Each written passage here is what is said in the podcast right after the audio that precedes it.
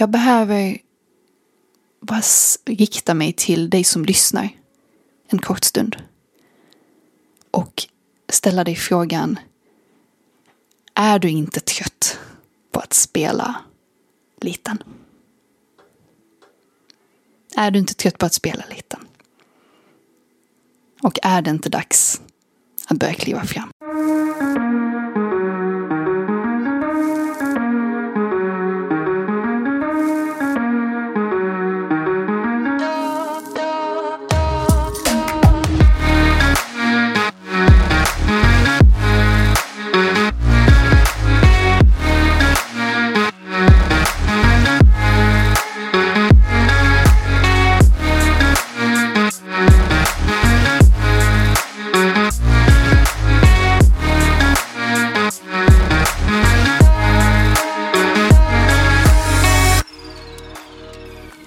Verkligen kände mig så skulle du veta att jag verkligen inte tycker om att sitta och jobba framför en dator när sladden är ikopplad. Om du verkligen kände mig så hade du vetat att jag hade kunnat häva i mig en, eh, en liter nyponsoppa på typ en timme. Om du verkligen kände mig så skulle du veta att vi har musik, musikant, musikmusikanter. Vi har musikanter stående utanför fönstret varje dag i den här stadsdelen där jag bor i. Och ibland så är det härlig musik och ibland så driver det mig till vansinne. Om du verkligen kände mig så eh, hade du vetat hur jag ofta är livrädd för att förlora mina föräldrar. Om du verkligen kände mig så skulle du veta att jag eh, duschar när jag måste, men inte allt för ofta för att jag tycker om det här mänskliga i att inte vara överren. Denna sårbarhetsövning är en övning som vi gjorde i dagens cirkel. Vi spelade in det här på en torsdag, samma dag som vår kvinnocirkel är. Mm. Och det är någonting magiskt med att kunna öppna upp så starkt i det intima rummet och snabbt komma varandra på djupet trots att vi är ibland över 30 personer i ett och samma rum. Mm.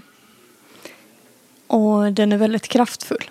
Det, det, jag tycker är fin, det jag tycker är fint med den här övningen är just att man kan lägga sig på vilken nivå som helst egentligen.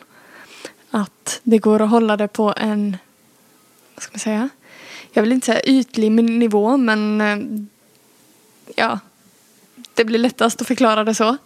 Eller om man bara vill djupdyka ner i kaninhålet och gott, gotta ner sig i riktigt djupa saker och oftast så, i min upplevelse, jag har gjort den här ganska många gånger, ehm, så börjar det oftast på, på toppen och sen så gräver man sig ner tillsammans utefter.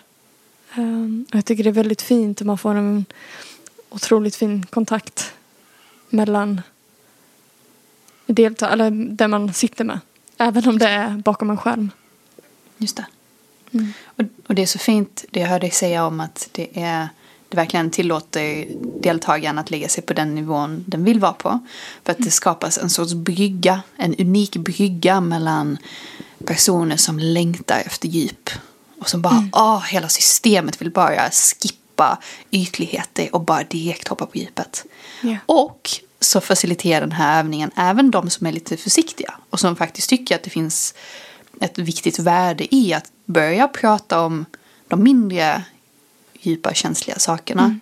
och kanske gradvis komma dit. Så att det är en övning som förenar de här två annars liksom, extremerna. Mm. Det Precis. fint. Precis. Det är jättefint. Också fin övning att göra på en första dejt kanske. Mm. Ja, jag tror det var jag och Mårten som är en av initiativtagarna till Storebror. Vi pratade om det i, när vi spelade in podd om eh, kommunikation. Så hade väl han, han hade väl testat den här övningen tror jag på, jag tror det var en andra dejt. Mm. Och det hade väl gått helt okej okay, men att det var lite obehag först i början men sen komma in och bli varm i kläderna. Jag hade lätt testat det här på en första dejt. Mm. Sen finns det mm. jättemånga andra eh, så här, lekar man kan göra som är ungefär som denna fast mer typ nyfikenhet eller ja, det finns olika. Eh, jättespännande. Det jag också gillar, bara för att lägga till i den här övningen, att som kvinna, det här har kommit upp väldigt många gånger i vår Facebookgrupp, eh, Stora Syster samtalsgrupp tror jag den heter. Det finns den här tendensen att gå in som kvinna i sin modersroll, att vilja hjälpa, tipsa, pampra, eh, kommer ju från en god plats oftast. Eh, men att den här sårbarhetsövningen ger inte plats för det. Mm. Att man ska gå in och ta ansvar och hjälpa någon annan. Utan att man ska bara lyssna, tacka. Eller tacka behöver man inte göra men en nickning eller vad som helst. Eller inte ens göra någonting. Utan bara hoppa mellan att säga vad du inte visste om mig är. Och byter vad du inte visste om mig är. Mm. Och det är väldigt fint att få träna på att inte gå in och behöva lösa saker. Jag tycker, jag håller med, jag tycker det är så läkande uh, att för en gångs skull uh, inte ta sig an den här rollen, inte vara mm. mamman. Mm. Någonting som jag nyligen har fått lära mig både mm, först mentalt, så kom den här idén mentalt till mig och nu tycker jag om att tänka att jag har integrerat den så pass mycket att den börjar bli en vana. Att inse att när jag per automatik går in och börjar mamma folk så är det ju för att jag tror att de inte klarar av någonting själva.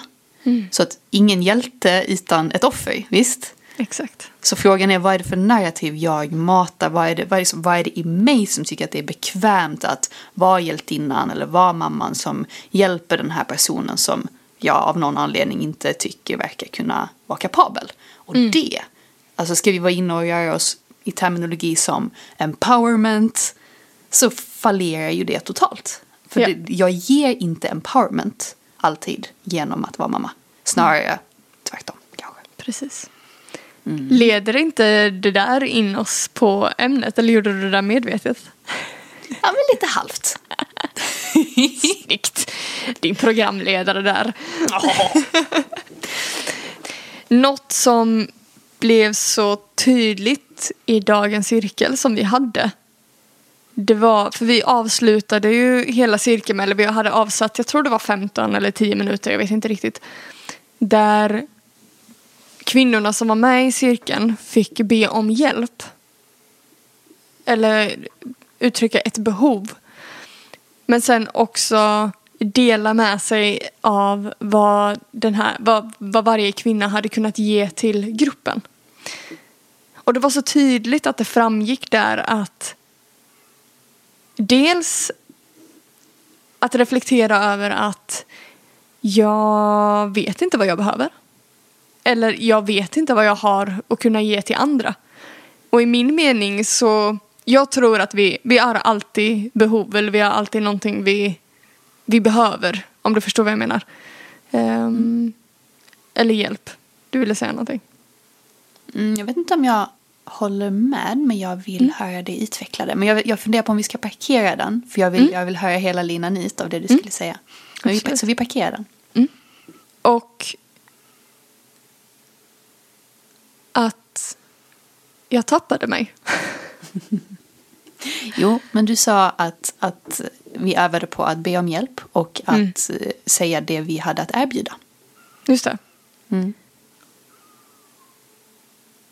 Och i det så upptäckte eh, vi att, eh, eller det, det, jag noterade var att många kvinnor, eh, ja, jag vet inte om det var första gången, än fick öva på att överhuvudtaget uttrycka att oj, det här är mitt behov.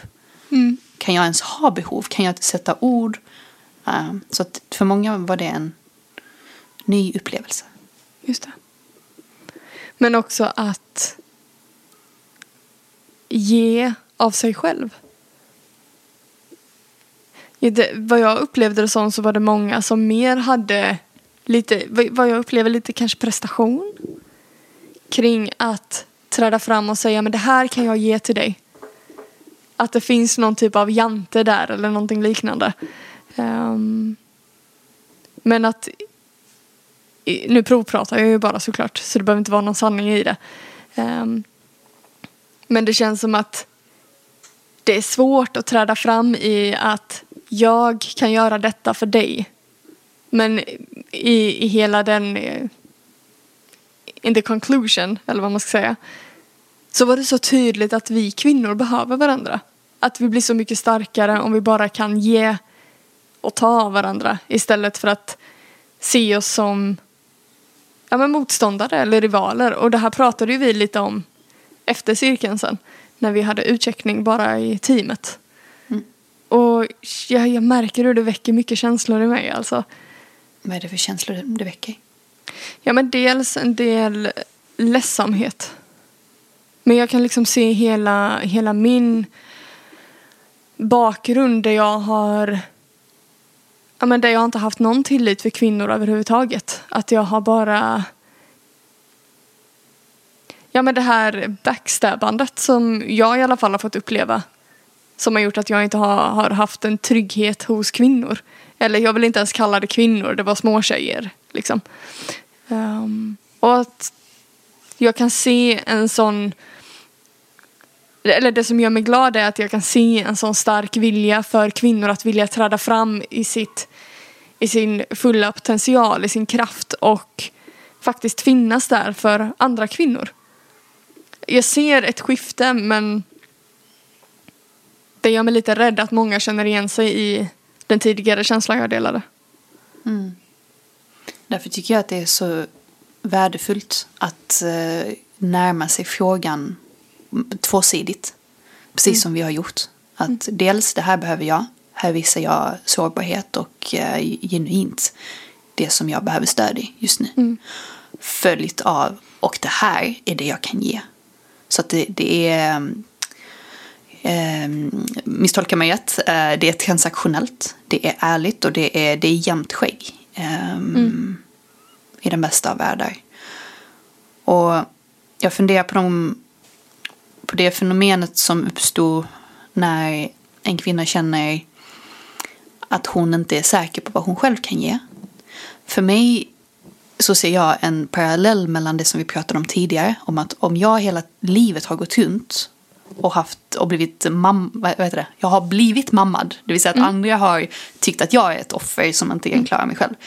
Då är det ju den berättelsen jag går runt och tror är sann. Mm. Och, och, när det sen kommer till kritan, men vad kan du ge? Sen nu när du är så van att ta emot, vare sig du har accepterat det eller inte. Men det har hela tiden kommit din väg. Så när frågan kommer, vad kan du ge? Sen, mm. wow. Jag kan ge min närvaro, jag, kan, jag är bra på att lyssna, jag kan, eh, jag kan marknadsföring, jag kan koda, alltså högt och lågt. Mm.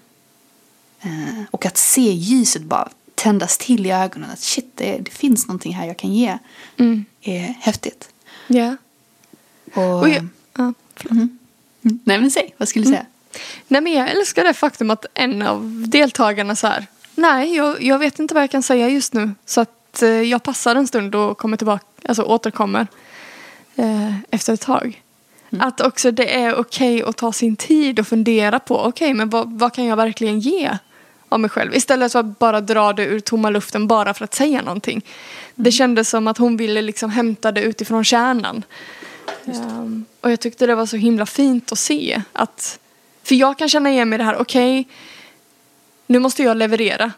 Nu måste jag berätta och nu måste jag bara ta det första som kommer upp i huvudet och då kanske det inte kommer från en centrerad plats utan det kommer ifrån en plats av, ja men kanske prestation och stress. Mm. Och att då bjuda in till att, ja men har, du har absolut någonting att erbjuda och låt det då komma från din kärna. Mm. Um, och som du säger också, det behöver inte vara något komplicerat. Det kan ju vara att någon uttrycker jag behöver flytthjälp. Okej, okay. ja men vi bor i samma stad, jag kan absolut hjälpa dig med det. Det behöver inte vara så här komplexa saker, att man ska reda ut någons eh, trauma i livet. Det, det, är liksom inte det det handlar om. Det handlar om att finnas där för varandra bara med en axel kanske. Eller en mm. hand. Och det är en fin balansgång det där att um, som kvinnor, om jag ska generalisera, ta det för vad det är, mm. um, ibland gå över våra egna behov för att erbjuda den där flytthjälpen eller dyka upp trots att vi häller från en tom kopp. Uh, och det är därför jag tycker det är så viktigt att först ställa frågan vad behöver jag? Mm. Så att vi ha vår egen rygg först. Och sen kanske om kapaciteten, viljan, lusten finns där. Ja, då kan vi kliva in och ge gåvan. Just det.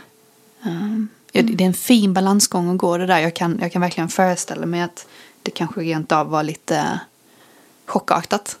Mm. Speciellt för våra deltagare som kom för första gången. Att säga, åh oh, gud, ska jag, ska jag committa nu till att ge någonting? Nej, nej, nej. Det handlar mindre om det och mer om övningen i sig. Mm. Tror jag. Mm, absolut. Och jag kommer ständigt och ständigt tillbaka till det du sa Victoria. Att det där med rivalitet. Och att när vi väl sitter i det här rummet som vi gjorde idag. Och går in i övningen där detta är i fokus. Hur vi kan stötta varandra. Och vad vi själva behöver. Mm. Så bryter det det här mönstret. Det här förlegade. Icke, icke längre applicerbara, användbara rivaliteten kvinnor emellan. Mm. Jag, jag har pratat väldigt mycket med eh, min fantastiska vän och mentor Mia Andersson som bland annat, bland annat driver podden Efter 50. Hon, mm. hon är ju själv efter 50 och hon bjuder in gäster, kvinnor som är i den åldern och som har gjort karriär och så vidare. Och gång på gång på gång så hör jag henne säga, både i samtal med mig men också i, i den podden att um, kvinnor som har så att säga bubblat upp till toppen i yrkeslivet. Som nu sitter där på sina höga positioner och så kommer det in unga tjejer i 30, liksom 20-30 års åldern. Mm. Att det än idag är lite en vattendelare. Det finns de kvinnor som är absolut tjejen. Jag, jag, kom här, slå armkrok med mig så visar jag dig hur mina tricks och, um, och sen finns det de som är tvärtom. Alltså att, att de ser de unga tjejerna som rivalitet. Mm. Uh, och det ligger i vår generations händer att skriva om berättelsen om det här. Mm. För att förutsättningarna är annorlunda idag än vad de var för till och med vadå, 20, 20 år sedan. Mm, och det är vårt ansvar att uh, leda med det exemplet. Ja. Och jag är så stolt över oss. Jag är så stolt över oss och alla som samskapar Stora Syster med oss. Och Absolut. som är villiga att göra det här. Mm. Blev du lite rörd? Jag blev nog lite rörd. Ja. Jag la hakan på knät här och bara mm. För det är så jäkla viktigt. Mm. Det är så jäkla viktigt. Jag är så trött på rivalitet. Ja, yeah, I hear you sister. Jag är så trött på det och jag synar också mig själv. För att jag tror jag också har fallit i den fällan själv. Mm. Jag har inte mm. alltid velat hjälpa en syster. Det kan jag inte Mm. säga. Nej, jag Men heller. som ett res... Förlåt, vad sa du? Nej, inte jag heller. Mm.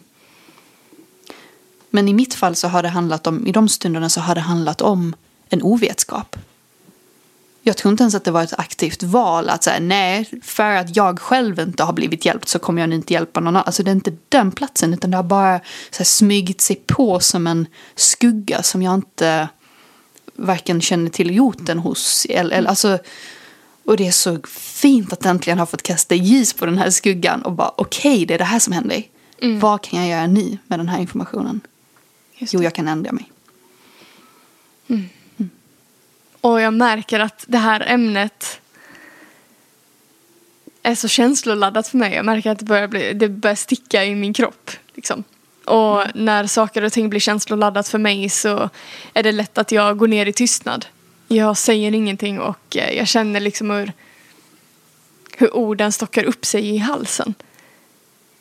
Och det är oftast när jag har så otroligt mycket att säga kring ämnet.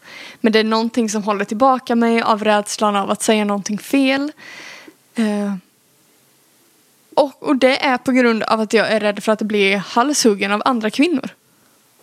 Så då skulle jag vilja utmana dig, här och nu. Mm. Ponera att det redan har hänt. Att du redan Att har blivit blivit halshuggen. Ja, du har blivit halshuggen, du har blivit kysst, du har blivit allting. Mm. Det har redan hänt. Vad Mm. säger du då? Vad är din sanning? Min sanning är att jag också är så extremt trött på det här icke-inlyssnande som jag upplever finns framför allt när vi sitter framför datorskärmar. När man sitter och läser kommentarsfält mellan kvinnor. När ja men kanske så här, ganska stora profiler på Instagram lägger upp en bild och andra kvinnor säger men gud vad fet du är när det blir så här, alltså jag, när det är det här toxiska mellan kvinnor, att bara blamea, att bara gå in och nu kan det här bara vara så här att det här är en känslostorm som kommer ut nu, men att gå in och kommentera för att du inte är nöjd med dig själv så behöver du trycka ner någon annan för att hamna på din nivå. Och det är sån ilska i mig kring just det där och att det inte finns något direkt ledars, ledarskap i den kvinnliga rörelsen just nu. Därför är stora syster och det finns andra kvinnorörelser som också är otroligt viktiga som ställer sig framför ledet och kan vägleda andra kvinnor in i rätt riktning istället för att rikta oss mot varandra. Som jag upplever att andra rörelser gör. Att vi ska rikta grupper mot varandra, det är det som är så jäkla fel. Och det kan inte jag skriva under på. Så därför vill jag, jag vill verkligen tillsammans med de kvinnorna som står bakom Stora Syster kliva in i en tydlig ledarroll. För de kvinnorna som kommer, eller de tjejerna som nu står bakom oss och är på väg in i sin kvinnoroll. De behöver någon som står bakom eller står framför dem och kan vägleda dem så att de inte hamnar i de här toxiska träsken. Och tos toxisk femininitet finns. Vad än andra kvinnor säger, det finns. Jag upplevt det själv. Mm. Gud vad det händer mycket i mig just nu. Mm. Mm. Och toxisk femininitet, jag tycker också om att, jag tycker om att tänka på det som omogen femininitet. Att det finns olika mm. grader. Det är fortfarande Absolut. femininitet men det finns en skugga, en omognad och sen så gör vi oss som individer och samhälle mot ett mer moget tillstånd. Mm. Och det finns i, i femininitet, det finns i maskulinitet, det har ingenting med vilket kön man har att göra. Men, men just det här med det omogna feminina, det toxiska feminina har bland andra attribut just mm. gränslöshet. Att, att det är som att det finns en gränslöshet i, i, ehm, i det jag hörde dig uttrycka i de här kommentarsfälten och så vidare. Mm. Och längtan, alltså medicinen till den här gränslösheten, vare sig vi söker den utanför oss själva, kanske i en partner eller hos våra vänner, eller om vi hittar det i oss att ackumulera det själv, det är mm. gränssättning. Yes. Det, det, finns inbakat i bordet att det finns gränslöshet och sen finns det gränssättning. Mm. Och jag, jag, tycker, jag, jag kan till och med vara så pass krass och säga att det jag ofta hör hos, hos tjejer som jag ja, i olika sammanhang har träffat som, som använder ordet, de säger att ah, jag vill ha en riktig man. Mm. Det, det, oh, det är också en sån här intressant kommentar men eh, det jag hör och när jag räknar in det som de, som, som de har tidigare sagt och det de säger därefter det är att mm. de längtar efter någon som sätter en gräns. Och så ja. projicerar de det på att det är en potentiell partner, ofta då en man, som de tycker ska manifestera det här, den här längtan. Eh, och det är inte så konstigt. Det, jag, mm. jag, säger inte det för att shamea, jag menar herregud, jag har själv verkligen varit där och verkligen letat efter det i en man. Tills jag ändå insåg att okej, okay, jag eh, behöver verkligen sätta mig ner och fundera på hur jag kan skapa det i mig själv. Mm. Ja, but that's another story. Men det, det var ett attribut som jag ville så här, mm, pinpointa lite grann. Gränslöshet mm. kopplat till omogen femininitet. Yeah. Och hur jag tror att vi gemensamt, som kvinnor, som män, kan stötta varandra i gränssättning. Mm. Och vi, vi pratar ju också om det i Stora Syster, just det här med att ta ansvar för sina egna projektioner, sina egna känslor eh, och de triggers som kom, eventuellt kan komma upp i cirklarna. Um, och jag tycker de är så otroligt viktiga för jag vet, jag, jag håller själv på och jag vet inte om jag ska säga, jo, nej, jag ska säga det för jag ska äga upp till det jag tror på. Jag, jag håller på att skriva en krönika nu om just offerkofta mentaliteten. Och jag upplever att ofta så kan den misstolkas. Nej men jag vet till exempel när Navid, som är initiativtagare till Storabror, skulle puffa för eh, stora syster precis innan vi hade satt igång. Och han skriver tydligt i sin text så här, små flickor, offerkoftor, jada jada jada. Och det är många som reagerar på detta. Um, på detta inlägg. Och jag valde att inte följa det. Jag valde att inte läsa direkt vad, som kom, vad det kom för kommentarer för att det var precis innan vi skulle gå in i vår första kvinnocirkel och jag var såklart nervös um, och ville att det skulle bli så bra space som möjligt. Men det jag i alla fall menar med just offerkofta-mentaliteten. Det är att skylla ifrån sig, inte ta ansvar för sina egna känslor, sitt eget liv. Att det är lättare att skylla ifrån sig på någon annan. Och då menar jag inte att om, om, om man har blivit sexuellt ofredad eller våldtagen eller någonting. Det har inte ens med det här att göra. Det, jag har, alltså det, det är fruktansvärt att sånt äger rum. Det jag syftar på är att så här, skylla ifrån sig. Bara, Nej men jag kan inte göra detta för jag har inte kapaciteten. Eller jag kan inte göra detta för att jag har haft den här, eh, de här förhållandena. Eh, så jag menar absolut inget sånt att man har blivit traumatiserad på något sätt. Men att vi måste som kvinnor kunna vägleda oss själva och faktiskt gå in i vår fulla kraft och ta den fucking plats som vi är så värda. För vi har, vi alla kvinnor har den kraften inom oss att kunna ta de stegen vi vill i våra liv.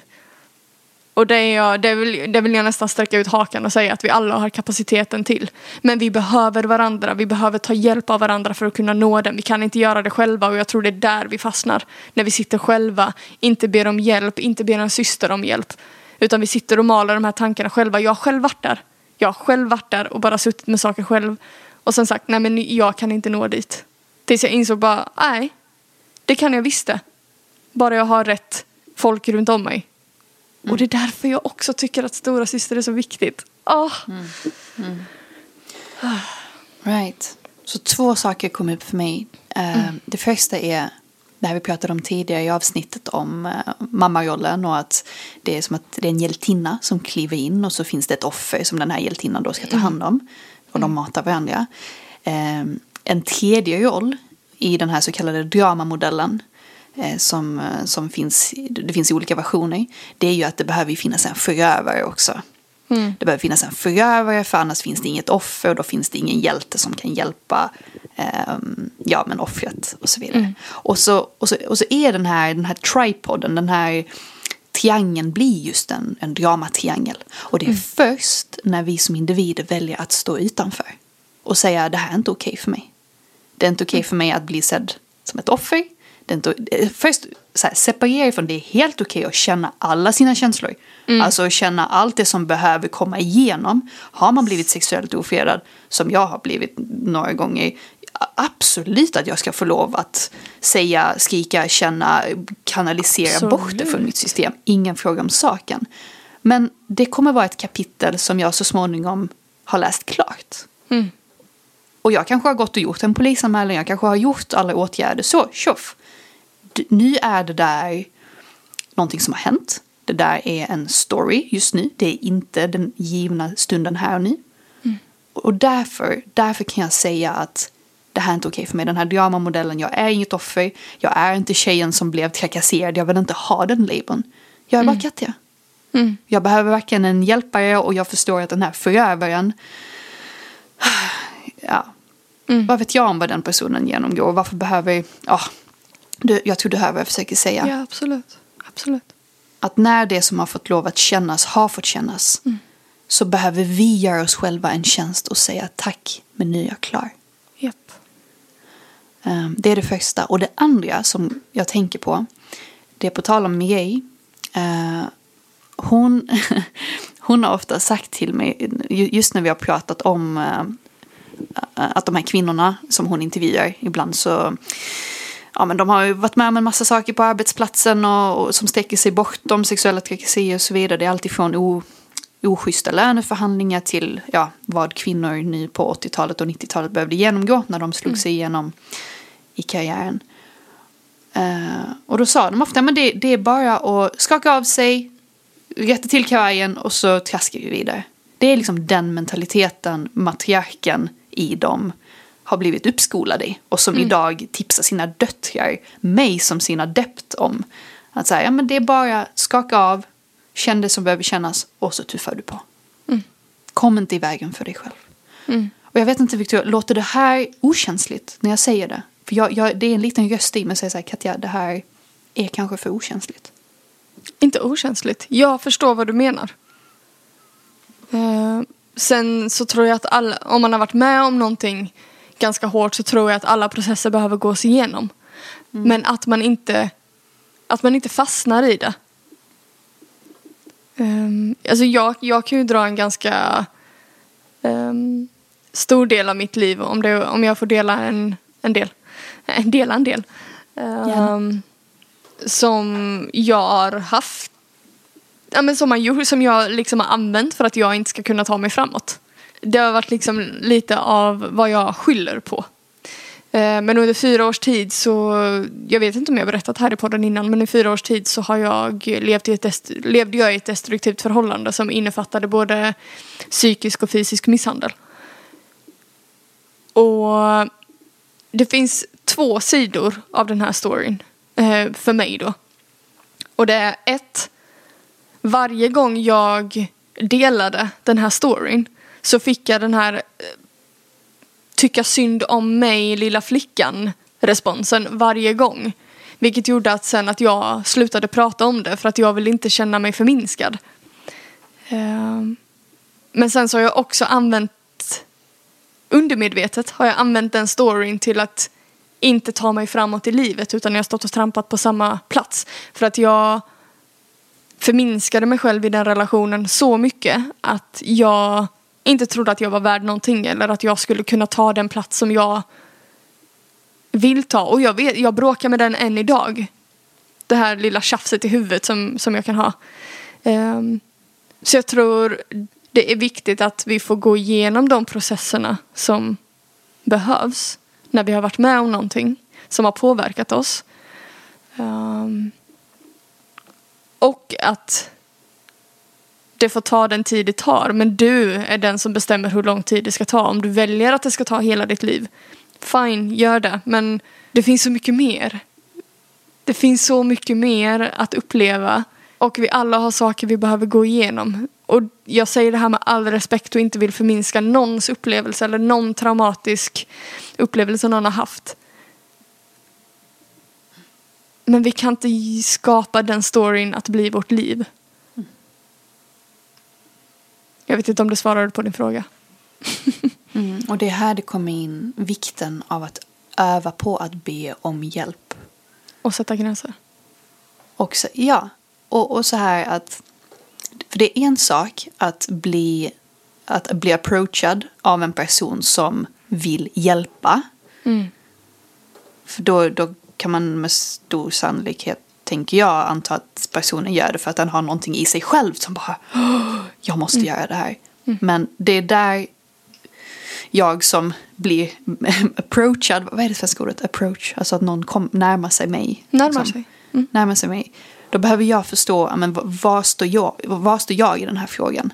Mm. Är hjälp det jag behöver här nu? Kan, kanon, om svaret är ja på den frågan så möts i det där, båda två får ett utbyte.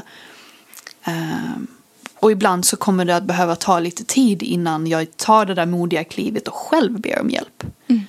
Och så sitter vi eller så gör vi det vi behöver göra för att jag ska komma vidare i tanken, i känslan, i min process. Mm. Och baserat på egna erfarenheter så kommer det ju komma en dag då som min respons när jag känner en signal inom mig att nu, nu är jag klar med någonting. Och, och jag säger det på det, på det mest, eh, det är inte menat att det ska låta eh, passivt aggressivt på något sätt. Utan det är faktiskt så här det sker för mig. Att jag, ofta så är det att jag vaknar en dag eller jag står i duschen och jag, jag får en uppenbarelse. Och det är så här, jag är trött på det här. Mm. Jag har tuggat det här tuggummit, jag har suttit i samtal, jag har dansat av med det, jag har yogat av med det. Och mm. ja, om jag bara ska checka in med mig själv, helt ärligt nyss nu, så är jag lite trött. Och precis som jag skulle slängt iväg gamla sopor så slänger jag iväg den här grejen från mitt energiska system, från min kropp. Mm. Och sen ibland så kommer den på besök och bara just det, den storyn, mm. den grejen. Mm. Och det kan vara alltifrån att jag ser någonting på stan eller att, i samtal att någon nämner någonting som påminner mig om det.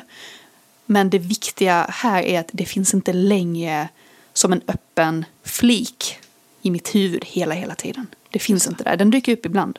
Men sen försvinner den. Mm, och det är just det här. Jag är så trött på den här gamla, gamla dängan, den här gamla storyn. Mm. Det kan jag slänga. Ja men precis. När jag noterade att jag var färdig med min story med mitt gamla ex som uh, som har påverkat mer än vad jag har trott. Um, det var när jag höll min föreläsning första gången. Och jag bara hörde hur trött jag var på att dra den här jävla storyn, ursäkta att jag svär, igen. Jag bara, nej jag är fasen färdig. Och sen så hade jag en, en övning. Och den här kommer jag vilja köra i Stora Syster någon gång. Jag eh, fick sitta tillsammans med en kille och han fick vara mitt ex. Och så skulle jag prata mot den här killen som att han var mitt ex. Och jag bara så här, vad, vad fan, liksom, vad hände? Mm. Vad är, vad, vet du vad du har gjort mot mig? Så här, bara för ta ut all den här ilskan och aggressionen som fanns. Och sen få en spegling av den här personen tillbaka. Där han agerar utifrån mitt ex. Och det var så himla frigörande, även om det inte var han som jag faktiskt satt och pratade med. Så var det så otroligt frigörande. Och därefter har jag liksom bara kunnat säga, okej. Okay, I'm done with the story. Jag är så färdig. Wow. Och det var sån mäktig känsla att få göra den. Mm. Ja, det här är så galet. Jag satt i dagens cirkel och tänkte att vi skulle göra precis den övningen. Och nu hör jag dig beskriva den. Och vet du vad jag mm. tänker nu? Jag har gjort exakt samma övning med mitt ex fast en annan person fick spegla mig. Vi har gjort exakt samma övning för vår ex. Oh, wow. Och jag har också skrivit brev och bränt dem. Så. Den är kraftfull.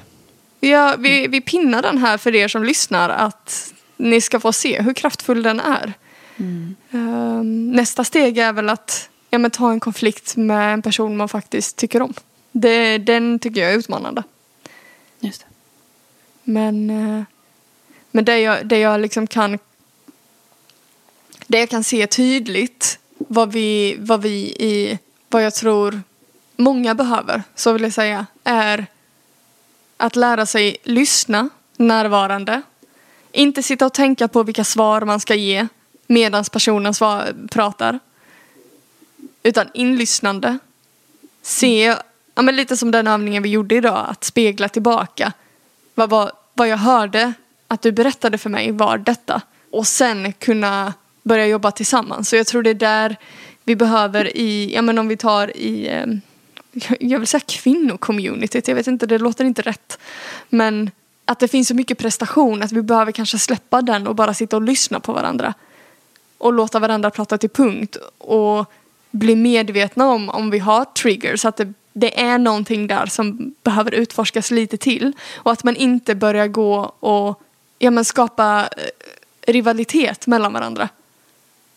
Mm. Är du med på vad jag menar? Mm. Mm. Alltså jag tror lyssnandet är så, det är en sån stark nyckel.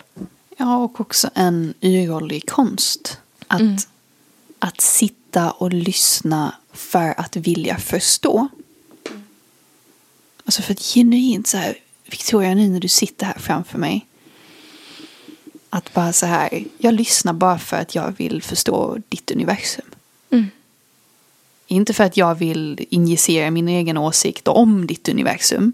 Men för att jag, du håller mig i handen och så flyger vi runt i ditt universum och så får du ta mig till de rummen som, som känns aktuella. Och det är ett mm. privilegium för mig att få flyga med dig. Mm.